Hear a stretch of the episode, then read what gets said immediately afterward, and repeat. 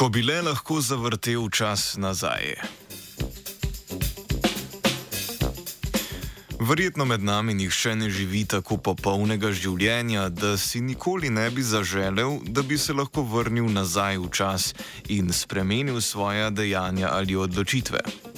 Žal nam v klasičnem svetu pot do obračanja časa levo, desno, naprej in nazaj preprečuje stari dobri drugi zakon termodinamike, ki pa ne ovira kvantnih sistemov, saj je časovni razvoj v kvantni mehaniki linearna operacija in zaradi tega obrnljiv. Raziskovalci ter raziskovalke iz Univerze na Dunaju so odkrili protokol obrata časa za en kubit in svoje odkritja delili s svetom v reviji Optika. Podobnih protokolov za obrat časa je bilo predstavljenih že nekaj, vendar je njihova uspešnost precej slaba. Raziskovalna skupina pa je dosegla determinističen protokol z uporabo nekomutativnosti kvantnih operatorjev, kar pomeni, da vrstni red matematičnih operacij ni nepomemben.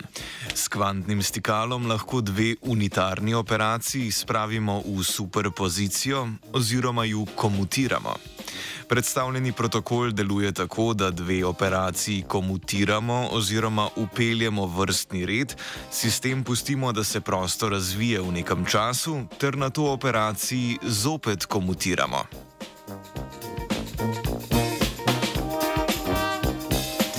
V fizičnem eksperimentu so spremljali polarizacijo fotona, ki so jo primerjali s kontrolnimi fotoni z znano polarizacijo.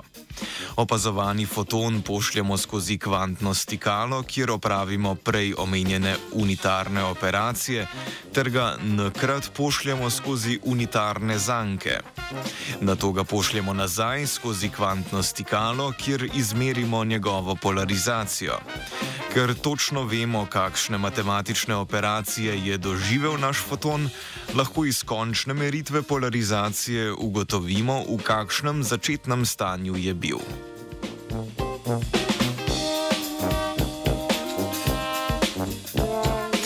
Raziskovalni skupini je uspelo pokazati, da je moč ustvariti protokol obračanja časa, ki ima v teoriji veliko natančnost in možnosti za uspeh.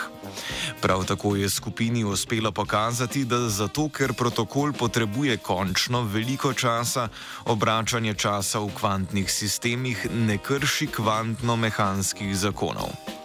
Ker protokol ni omejen na poznavanje sistema in posledično ni odvisen od vrste delca, bi v bližnji prihodnosti podobne poskuse lahko opravili tudi na masivnih delcih ter atomih, ne le na svetlobi.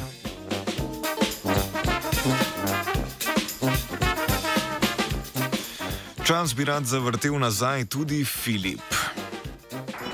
Three, two,